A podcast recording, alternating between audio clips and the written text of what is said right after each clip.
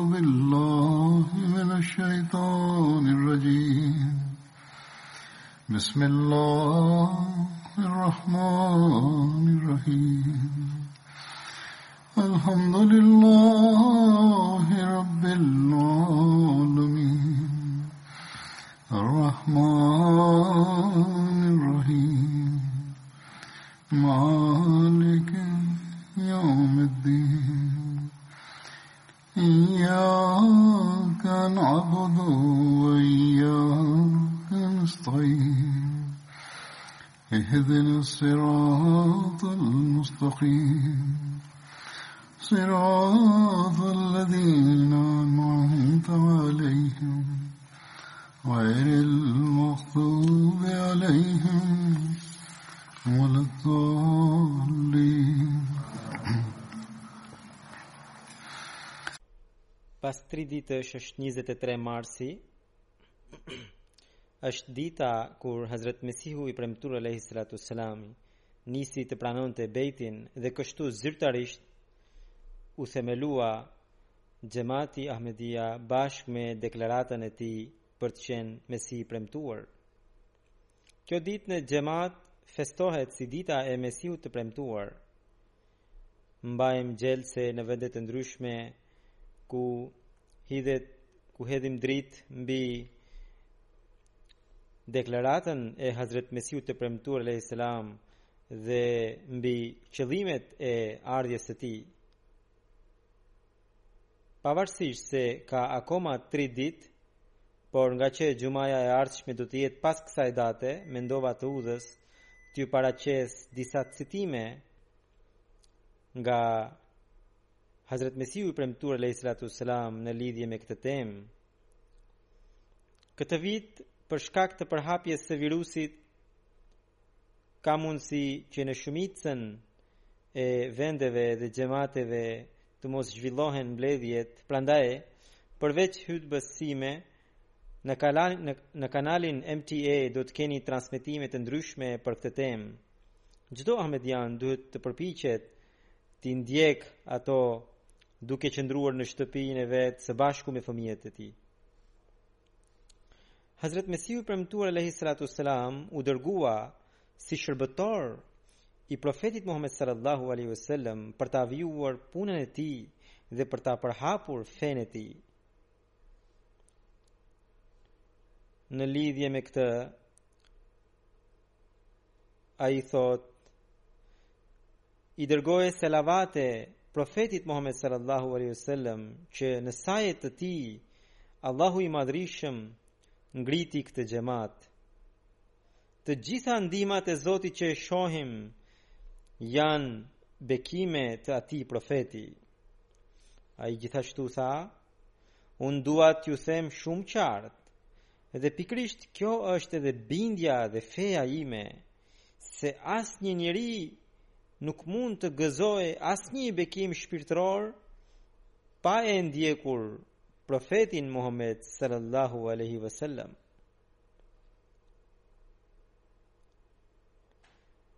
Për shkak të bekimit që ai ka përfituar nga profeti Muhammed sallallahu aleyhi vësallam, Zoti i Madhërishëm e dërgoi atë për reformën e njerëzve në botë në këtë kohë, për të vendosur edhe një herë madhështinë e Islamit në botë. Ai thotë: "Wa arsalani Rabbi li islahil khalq." Zoti më dërgoi mua për të përmirësuar gjendjen e njerëzve.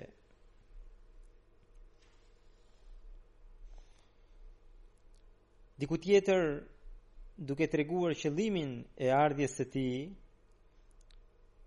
Hazret Mesihu i premtuar alayhi salatu wassalam pohon Unë këtë do ta them vazhdimisht dhe nuk mund të ndalem pa e treguar se unë jam ai që është dërguar në kohën e duhur për reformën e njerëzve, në mënyrë që besimi të vendoset edhe një herë në zemrat e tyre. Unë jam dërguar porsi ai që ishte dërguar pas atij njeriu të Zotit, komunikuesit me Allahun, Po, ai që shpirti i të cilit u ngjit në qiell pas shumë sfilitjeve gjatë qeverisjes së Heroditit. Pra, Hazret Isait alayhi salatu wasalam. Pastaj duke deklaruar se Mesihu i premtuar për të cilin kishte parashikuar profeti Muhammed sallallahu alaihi wasallam erdhi në kohën e vet, ai thotë: "Prandaj, o vëllezër, për hir të Zotit, Mos u nxitoni dhe mos kundërshtoni.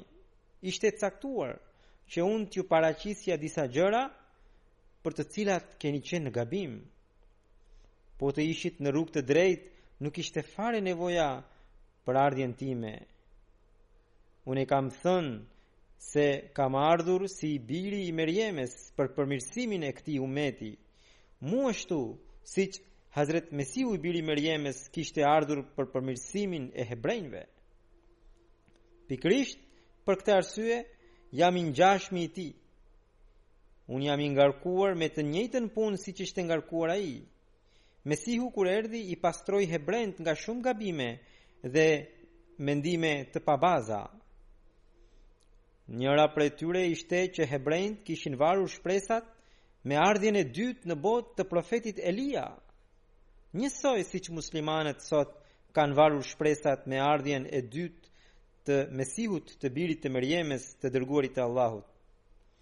Atëherë Mesihu duke pohuar se profeti Elia nuk mund të zbriste më prej qiellit, deklaroi se Jahja, i biri i Zakarias, është Elia dhe se kushdo që ka dëshirë ta pranojë atë, kështu ai ua largoi hebrenjve gabimin e vjetër, por në këmbim mori nga hebrenjtë akuzat se ishte i pafe dhe i larguar nga librat e shenjtë.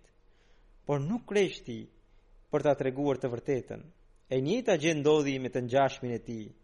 Njësoj si Hazret Mesihun, edhe mua njerëzit më akuzuan të isha i pafe. A nuk është kjo një ngjashmëri e plotë?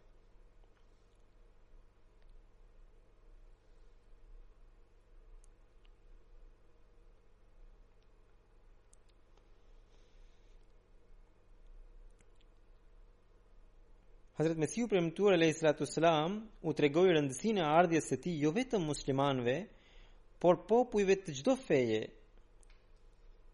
Në një vend, ai tha, dua të bëj të qartë se Ardhja ime prej Zotit të Madhërishëm në këtë kohë nuk është vetëm për reformën e muslimanëve, por për reformën edhe të muslimanëve, edhe të hinduve, edhe të krishterëve, pra të tria feve.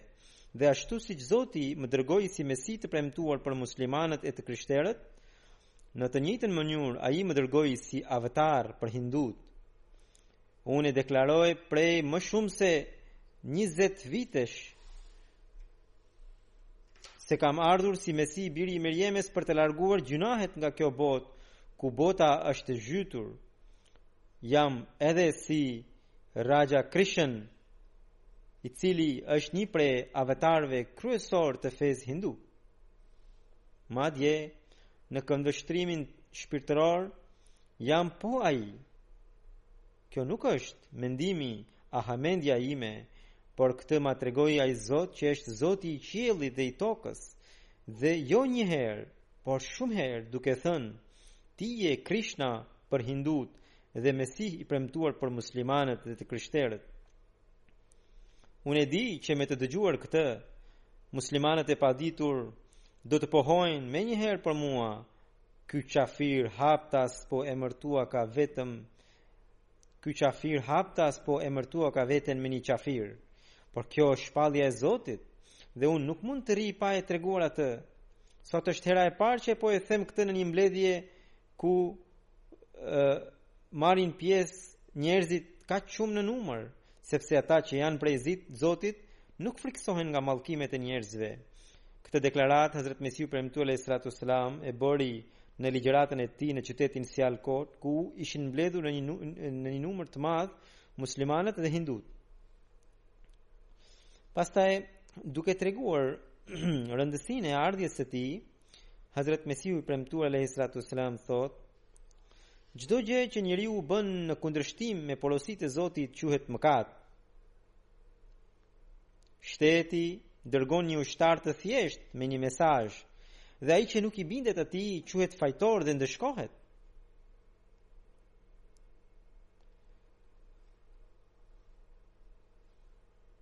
Kështu veprojnë gjyqtarët e kësaj bote. Atëherë imagjinoni çfarë shkelje të rëndë është kur e fyen dhe nënçmon atë që vjen nga gjykatësi i të gjithë gjykatësve. Zoti i Madhrishëm ka shumë sedër. Me urtësinë e tij ai dërgoi një njeri mu në krye të shekullit të prishur, në mënyrë që ai t'i thërrasë njerëzit drejt udhëzimit. Është një mëkat shumë i madh të shkelësh nën këmbë urtësitë e Zotit të Madhrishëm. Më tej ai thotë, mendja e njeriut nuk matet me urtësinë e Zotit të Madhrishëm. Çfarë është njeriu që të pretendojë të kuptojë më shumë se sa urtësia e Zotit?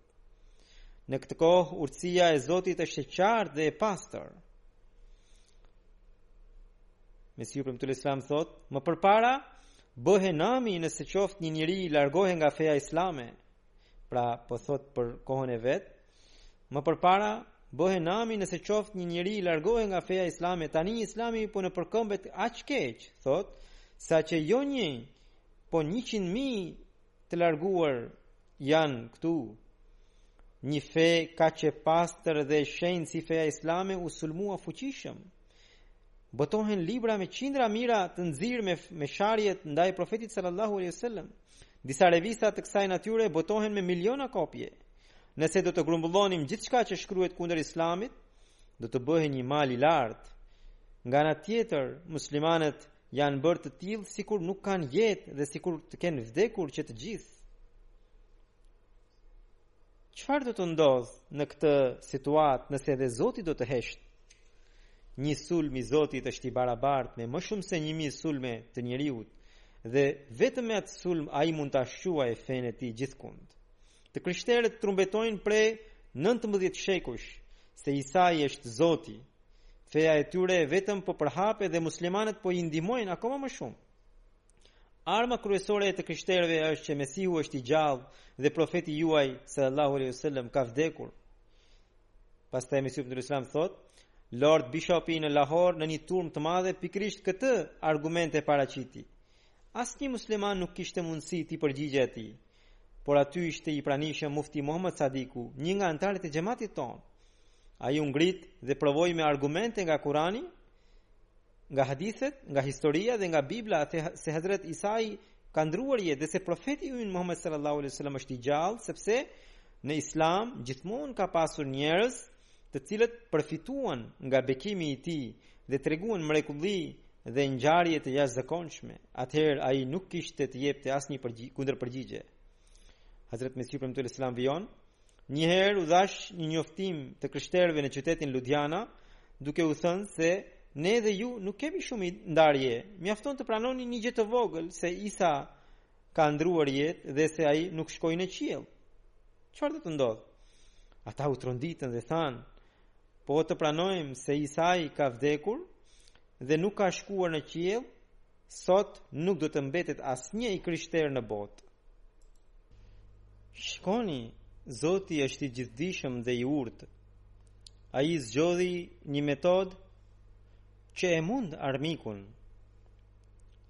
Përse muslimanët e kundërshtojnë këtë? Vallë, Isai a ishte më i madh se profeti Muhammed sallallahu alaihi wasallam? Unë u them, nëse keni grindje me mua, mos e kaloni kufirin dhe mos e bëni atë që e dëmton fenë islame. Zoti i madhërishëm nuk e zgjedh një metodë të dobët dhe ju, pa pasur këtë metodë, pra atë të vdekjes së Hazret Isait, nuk mund ta thyeni dot kryqin.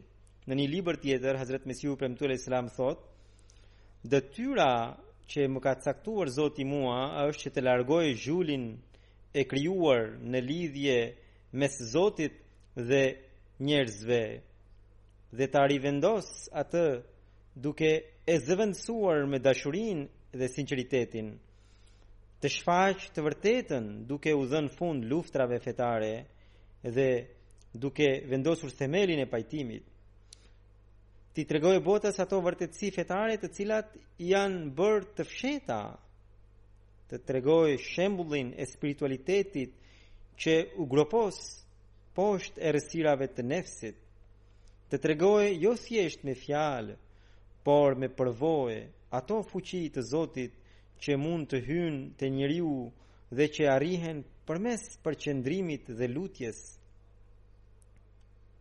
dhe mbi të gjitha të mbjellë edhe një herë mes njerëzve njëshmërinë e pastër dhe të shndritshëm që gjendet larg çdo lloj shirku dhe që tani është e zhdukur nga bota.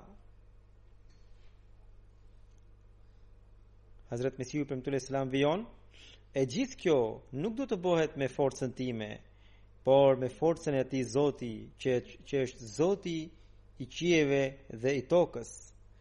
Unë shoh që nga njëra anë Zoti me dorën e vet më edukoi, më bekoi me shpalljen e tij dhe më dha një vrull kaq të madh që të ngrihem për reforma të tilla. Dhe nga ana tjetër, ai përgatiti edhe zemra të tjerë që janë të gatshme për të më ndjekur mua. Unë shoh që kur Zoti më dërgoi duke caktuar për njerëzit e gjithë botës, bota ka filluar të ketë një revolucion. Kjo është një pjesë nga ligjërata e tij që u mbajt në Lahore. Pastaj duke treguar se Zoti i Madhërishëm dërgon mëshirën e tij dhe shpëton robërit e tij duke dërguar një të dërguar reformator ose një rob të zgjedhur të tij, Hazret Mesihu i Premtuar alejhi selam thotë, praktika e hershme e Zotit të botëve është që kur një vështirësi a fatkeqësi arrin kulmin e vet në botë, Mëshira e Zotit vjen për ta larguar atë. Sikundër thatësira që kur bie tej mase, saqë njerëzit vetëm sa vdesin, Zoti i Madhërishëm përmes bujarisë së tij lëshon shi. Po kështu, kur përhapet një sëmundje duke marrë qindra mijëra jetë njerëzish, Del ndonjë erë ose zbulohet ndonjë ilaç që e largon sëmundjen. Kur një popull vjen në kthetrat e një diktatori të egër, më në fund lind ndonjë i drejtë që u përgjigjet halleve të njerëzve. Në të njëjtën mënyrë, kur njerëzit harrojnë rrugën e Zotit, kur braktisin adhurimin e Zotit dhe njëshmërinë e Tij, Zoti i Madhërishëm vetë i jep dritë të përsosur ndonjë robi të Tij, e bekon atë me fjalën shpalljen dhe komunikimin e tij dhe e dërgon atë për udhëzimin e njerëzve në mënyrë që ai ta ndreqë gjithë lëmshin e krijuar. Sekreti në këtë praktikë të Zotit është që ai që është mbajtësi i gjithësisë, vendosësi i botës dhe jeta dhe mbijetesa e botës varen pikërisht nga mbështetja e tij nuk dëshiron të privojë krijesat nga bekimet e tij. Dhe ai as nuk qëndron i papunë duke e lënë botën të shkatërrohet. Përkundrazi, në kohën e vet çdo atribut i tij vepron menjëherë.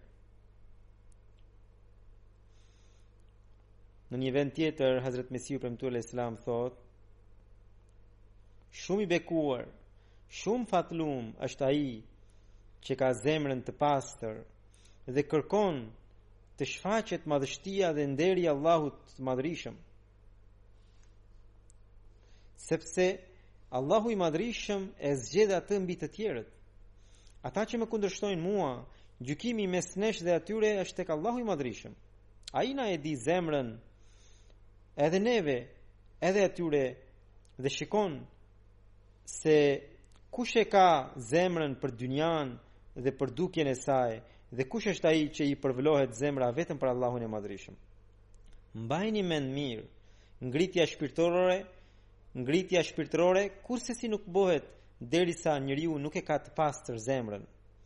Kur pastërtia dhe dëlirësia lindin në zemër, ai vetvetiu fillon një forcë dhe ai vetvetiu, pra njeriu vetvetiu fiton një forcë dhe një fuqi për të përparuar.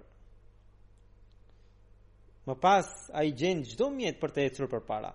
Shikoni profetin Muhammed sallallahu alaihi wasallam, ishte tërësisht i vetëm dhe po në atë pafuqi deklaron: "Ja ejjuhannasu inni rasulullahi ileikum xhemia." O njerëz, pa dyshim unë jam i dërguar i Allahut për ju të gjithë. Kush mund të mendonte në atë kohë, se deklarata e një njeriu kaq të shkretë do të kishte sukses. Madje menjëherë pas kësaj ai u përball me kaq shumë vështirësi që ne nuk kemi hasur as një të mijtën e tyre. Pastaj duke këshilluar në përgjithësi gjithë botën, Hazret Mesihu i Premtuar Aleyhi Salam thot Këshilla ime e fundit për ju është që merreni me besimin tuaj. Merreni me besimin tuaj. Të mos ndodhë që duke u treguar krenar dhe të shkujdesur, të dilni rebel në sy të Zotit të Madhrishëm. Shikoni, Zoti ju është drejtuar në një kohë në të cilën ju kishit nevojë për ndihmën e tij. që ju të trashëgonit bekimet shpirtërore. Zoti e pa nga lart që njerëzit po e nëpërkëmnin atë të cilit ai i kishte dhënë nder dhe po e shanin profetin që ishte më i miri prej njerëzve, duke e quajtur keqbërës, gënjeshtar dhe trillues, pra profetin sallallahu alaihi wasallam. Librin e tij që është Kurani famëlartë njerëzit e përmendin me fjalë të padenja, duke e cilësuar si fjalë njeriu, Në këtë situatë, ai e mbajti mend premtimin e tij. I njëjti premtim që ai përmend në ajetin Inna nahnu nazzalna dhikra wa inna lahu lahafizun, domethënë sigurisht ne e kemi zbritur këtë Kuran edhe ne vetë do ta mbrojmë atë. Prandaj sot është koha e përmbushjes së pikërisht këtij premtimi.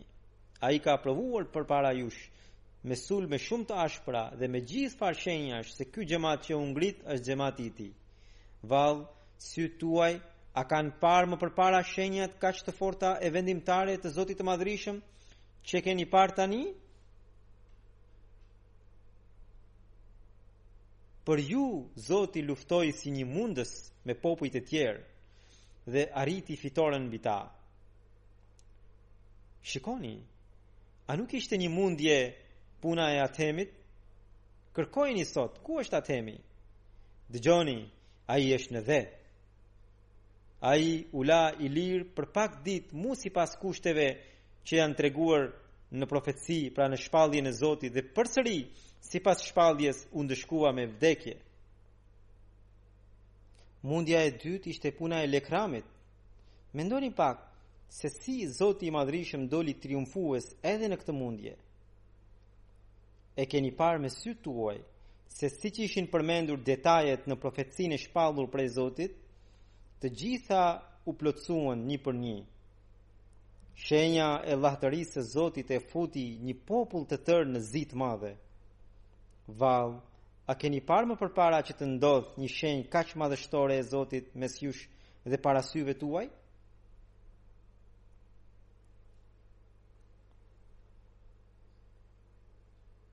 pra huzuri përmend njerëz të cilët erdhën u, u përballën me Mesihun e Premtuar alejhi selam dhe u mundën thotë Mesihu i Premtuar alejhi selam prandaj o bijtë e muslimanëve mos i fyni punët e Zotit madhrishëm mundja e tretë ishte puna e mbledhjes së madhe të feve shikoni se si Zoti i madhrishëm e dalloi islamin dhe iu shfaqi shenjën e tij duke i treguar para kohe robit të vet, që pikërisht tema e tij do të mbizotronte. Dhe pikërisht kështu e realizoi. I futi në habi gjithë audiencën përmes ndikimit të bekuar të kësaj teme. Vallë, kjo a ishte puna e Zotit apo e dikujt tjetër? Pra, Mesihu i Premtuar alejhi selam flet thot mbledhja e feve që përmendi Hazrat Mesihu i Premtuar alejhi selam është ajo ku u lexua tema e tij që sot është në formë libri filozofia e mësimeve të Islamit. Zoti i Madhrishëm i kishte treguar para kohe se tema e tij do të mbizotronte profeci të cilën Hazrat Mesihu i Premtuar alejhi selam edhe e kishte botuar. Përfundimisht kur u lexua ajo, të gjithë një zëri pohuan suksesin e pakrahasueshëm të saj. Hazrat Mesihu i Premtuar alejhi selam vijon Mundja e katërt ishte gjyqi me doktor Martin Clarkun, në të cilin ishin bashkuar tre popuj, arjet, të krishterët dhe muslimanët kundërshtarë. Të gjithë u përpoqën të provonin se kam bërë atentat vrasje. Zoti i Madhrishëm para kohe më kishte treguar se ata do të dështonin dhe unë këtë shpallje ua tregova rreth 200 njerëzve. Përfundimisht unë fitova. Mundja e pestë ishte gjyqi me Mirza Ahmed Begun e Hoshiarpurit. Të afërmit dhe shokët e tij talleshin me Islamin dhe disa prej tyre që ishin bërë renegatë, pra që ishin kthyer nga feja islame, e kundërshtonin ndyrazi Kur'anin e Shenjtë dhe e fyenin Islamin vazhdimisht. Më kërkonin mua t'u tregoja ndonjë shenjë të vërtetësisë së Islamit dhe këtë gjë e publikonin përmes njoftimeve në gazeta. Atëherë Zoti u dha shenjën duke thënë, Ahmed Begu do të shohë disa vdekje të të afërmve të vet dhe disa fatkeqësi të tjera e më pas brenda 3 vjetësh do të vdesë edhe vetë. Edhe pikërisht kështu ndodhi. Ai vdiq brenda afatit në mënyrë që njerëzit të kuptonin se se çdo shkelje e ka një ndëshkim. Kështu që Hazrat Mesihu i Premtuar alejhi selam i tërhoqi vëmendjen gjithë botës që të mos luftojnë me të dërguarin e Zotit. Kur Allahu i Madhërishëm dërgon dikë, ai edhe e ndihmon atë duke shfaqur shenja. Hazrat Mesihu i Premtuar alejhi selam thot, Allahu i Madhërishëm më tha me fjalë jashtëzakonisht të fuqishme, në botë erdhi një alarmues, por bota nuk e pranoi atë. Por Zoti do ta pranojë atë dhe do të shfaqë vërtetësinë e tij me sulme shumë të ashpra. Pra, sot xhemati Ahmedia që është përhapur në më shumë se 200 vende të botës, njofton tërë botën se Allahu i Madhërishëm po provon në mënyrë të vijueshme vërtetësinë e Hazrat Mesihut të Premtuar alejhi selam. Allahu i Madhërishëm na mundësoftë të përhapim siç duhet edhe ne misionin e tij. Bëftë edhe të tjerët që të bashkohen me të, na e forcoftë besimin dhe bindjen dhe na mundësoftë të kuptojmë përgjegjësitë tona. Tani dua t'ju tregoj disa opinione dhe analiza të njerëzve të botës në lidhje me me epideminë që u përhap në këtë kohë në gjithë botën. Philip Johnston në Daily Telegraph me datën 18 mars 2020 shkruan Netflix dhe platforma të tjera raportojnë se një prej filmave më të shikuar Në këtë kohë është Contagion, një film i vitit 2011. Komploti i filmit ka të bëjë me përhapjen e një virusi, përpjekjet e dëshpëruara të studiuesve të mjekësisë dhe nga zyrtarët e shëndetit publik për të identifikuar dhe përmirësuar sëmundjen, humbjen e rendit shoqëror dhe më në fund prezantimin e një vaksine për të ndaluar përhapjen e saj. Ai shton, Mendoj se nëse predikimi ynë për filmat apokaliptik është një reaksion ndaj një periudhe të gjatë stabiliteti dhe prosperiteti, i cili të paktën në Perëndim, shumica prej nesh kanë supozuar me vetëkënaqësi se do të vazhdonte përgjithmonë. është e jashtëzakonshme të mendosh, thot ai, që vetëm në dy javë bota jonë është kthyer tërësisht përmbys. Thot, të gjitha planet tona janë stopuar, shpresat tona për të ardhmen janë bërë të pasigurta. Ai më tutje shkruan, as kërcënimi i dimrit ë bërthamor gjatë luftës së ftohtë dhe as ndikimi i krizave të ndryshme ekonomike, përfshirë edhe ato të, më të fundit, nuk ishte diçka e tillë. Edhe gjatë luftës së fundit, këtu thot ai, njerëzit dilnin në teatër dhe kinema, në restorante dhe kafene, në klube dhe pabe. Pra, ata kishin diçka të paktën me të cilën ata kalonin kohë, por ne, thot ai, nuk mund të bëjmë asgjë sot. Thot, shumica prej nesh që janë rritur pas luftës së dytë botërore, kemi pritur një gjendje të qëndrueshme prosperiteti, stabiliteti dhe kënaqësie, gjë që shumica e gjeneratave të mëparshme kurrë nuk e imagjinuan të mundshme dhe as nuk ishin në gjendje të mendonin diçka të tillë. Më tej ai thot, shpresa është se shkenca do të vijë në shpëtim me një vaksinë ose kurë Dhe mbase do të vijë.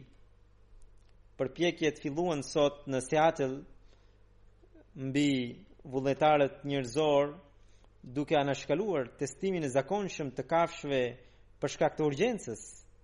Por lajmi i keq do të duhen muaj pra disa muaj për të ditur nëse do të funksionojë vaksina apo jo. Më pas ai shkruan, studiuesit australianë thonë se ata kanë gjetur një kurë për virusin dhe shpresojnë të fillojnë një gjykim mbarëkombëtar deri në fund të muajit. Më pas ai shkruan, përgjatë historisë njerëzit iu mbështetën besimeve të tyre për të dalë nga ngjarjet si kjo dhe për t'i dhënë kuptimin asaj çka ndodhi me ta dhe me të dashurit e tyre. ateistët thot ateistët priren të marrin një pikëpamje laike humaniste në parim një pikëpamje iluministe që proceset e natyrës gjithmonë mund të përmirësohen nga përpjekja e njeriut dhe se nuk është e nevojshme ta lidhim këtë me fatin ose me mallkimin e Zotit Pra, ai thotë kështu mendojnë ateistët. Më pas, analisti vijon sa shumë herë kemi dëgjuar njerëz që thonë gjithçka do të rregullohet, sepse shkencëtarët do t'ia dalin qoftë në lidhje me ngrohjen globale ose pandeminë. Jemi gati të zbulojmë nëse një optimizëm i tillë është i justifikuar apo jo. Nëse nuk është kështu, ai thotë, më duhet, më duhet të kthehem në kishë. Pra, e ka fjallën që ngaqë tani gjendet larg fesë, larg zotit, për shkak të provave që ai ka në dispozicion sipas tij, por nëse nuk do të ndodhë ashtu siç thonë shkencëtarët, ai thotë se detyrohet të kthehet te feja. Në këtë mënyrë, virusi i detyroi njerëzit të mendojnë të kthehen te Zoti. Por Zoti i vërtetë dhe i gjallë gjendet vetëm në Islam, në të cilin ai ka deklaruar se kushdo që vjen në rrugën e tij, ai ia tregon rrugën. Për ata që shkojnë një hap tek ai, ai thotë se u afrohet shumë hapa dhe i kap për dore, i fton për t'i marrë nën mbrojtjen e vet. Në këtë situatë, ne duhet të përmirësojmë veten tonë nga njëra anë, dhe nga ana tjetër duhet të bëjmë më shumë ndikuese mënyrën tonë të tabligut. Kemi nevojë t'i tregojmë botës për islamin më shumë se përpara. Çdo ahmedian duhet të përpiqet t'i tregojë botës përreth që nëse doni të shpëtoni njihni krijuesin tuaj. Nëse doni një fund të mbarë, njihni krijuesin tuaj, sepse pikërisht ai ka në dorë fundin e mbarë. Nëse doni një fund të mbarë, atë adhurojeni pa shoqëruar dikë me të dhe shërbejuni krijesave të tij siç duhet. Kjo duhet të jetë përpjekja e gjithsecilit prej nesh. Zoti na e mundësoftë këtë. Fatkeqësi do të vijojnë në botë. Dhe edhe vetë njerëzit e botës pohojnë se këto do të shtohen. Prandaj, siç u thashë më herët, kemi nevojë të punojmë për fundin tonë të mbarë. që edhe ne të tërhiqemi drejt Zotit e t'i tregojmë edhe botës se fundi i vërtetë është fundi që vjen në botën tjetër. Dhe për këtë atyre do t'u duhet patjetër të vijnë drejt Zotit.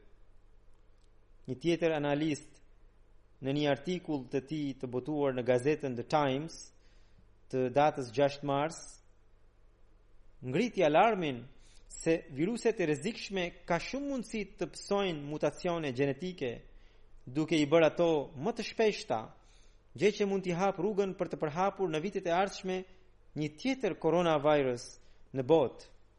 Sipas tij, ndoshta çdo pas çdo 3 vjetësh bota do të ketë një sëmundje të re. Edhe gazeta Bloomberg Në një postim të saj shkruan, Shkencëtarët mund ta mposhtin koronavirusin, megjithatë, njeriu do të mbetet në një luftë të pandalshme kundër sëmundjeve ngjitëse. Në garën e evolucionit mes njeriut dhe mikrobeve po dalin në krye këto të fundit. Sipas Organizatës Botërore të Shëndetësisë, Që nga viti 1970 deri më sot janë zbuluar më shumë se 1500 viruse të reja.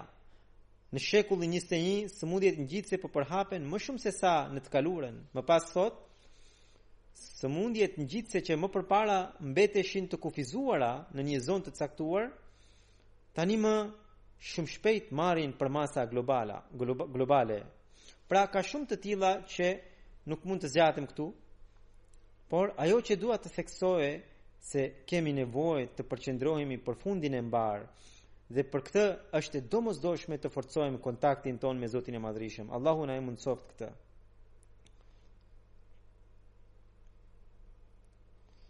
Unë kam dhënë udhëzime edhe më herët në lidhje me koronavirusin dhe do do t'ju rikujtoja edhe një herë pasi ai po përhapet me shpejtësi të madhe në të gjithë botën. Edhe këtu, pra në Angli, tanimë është përhapur shumë. Qeveria po detyrohet të marrë masa të rrepta dhe ekstreme. Sëmundjet kur përhapen mund të përfshijnë çdokënd. Prandaj çdokush duhet të ketë kujdes. Prandaj, zbatoni udhëzimet që ju jep shteti juaj.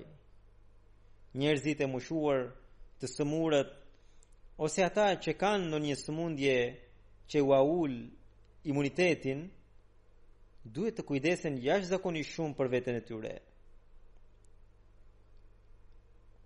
Të moshuarit të dalin sa më pak nga shtëpia, siç e thotë edhe qeveria këtu, përveç atij që gëzon një shëndet të mirë, të tjerët më mirë të rrinë brenda.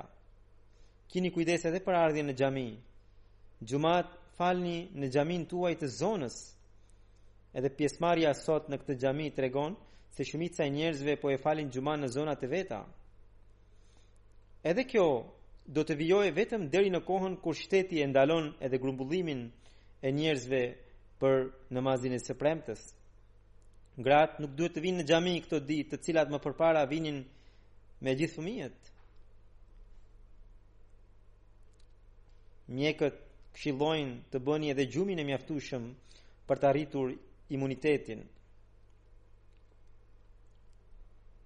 Prandaj, flini mjaftueshëm këto ditë edhe vetë, edhe fëmijët tuaj të flejnë mjaftueshëm. Për të rriturit është e nevojshme të flejnë deri në 7 orë. Ose kurse fëmijët deri në 10 orë.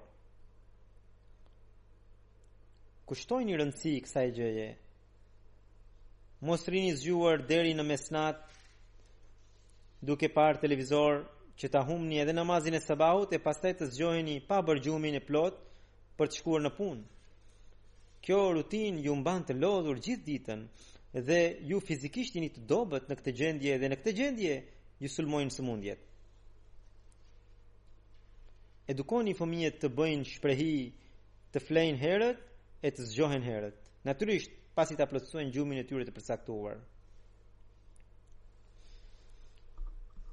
Gjithashtu, ruhuni nga ushqimet e jashtme, pra junk food, edhe ato sjellin sëmundje, sidomos këto patatina e të tjera që njerëzit u japin fëmijëve të tyre kanë disa konservues që janë të rrezikshme për shëndetin e tyre.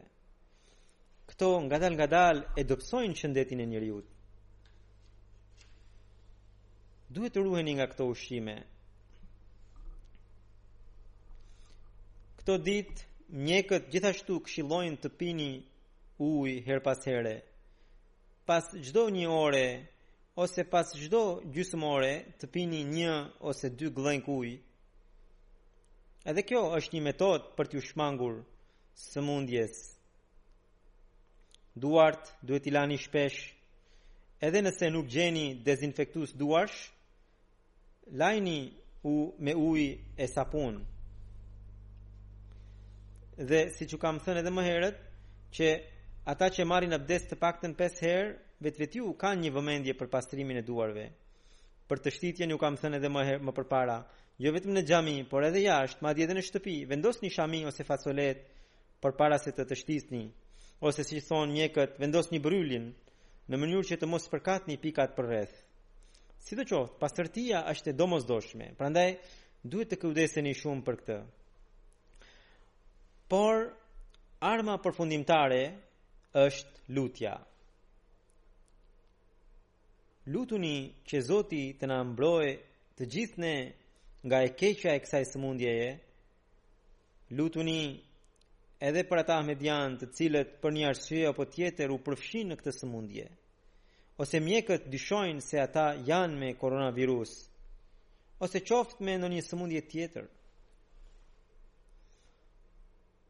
Lutuni edhe për ta, Siç ju thashë, edhe për shkak të sëmundjeve të tjera që mund të ketë njeriu,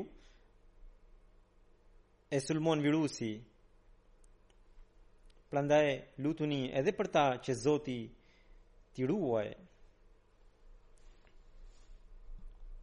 Në përgjithësi lutuni për të gjithë që Allahu i Madhërishëm ta shpëtojë botën nga kjo pandemi. Ata që janë të sëmurë t'i shërojë plotësisht dhe çdo ahmediani t'i japë shërimin dhe bashkë me të t'ia forcojë besimin dhe bindjen.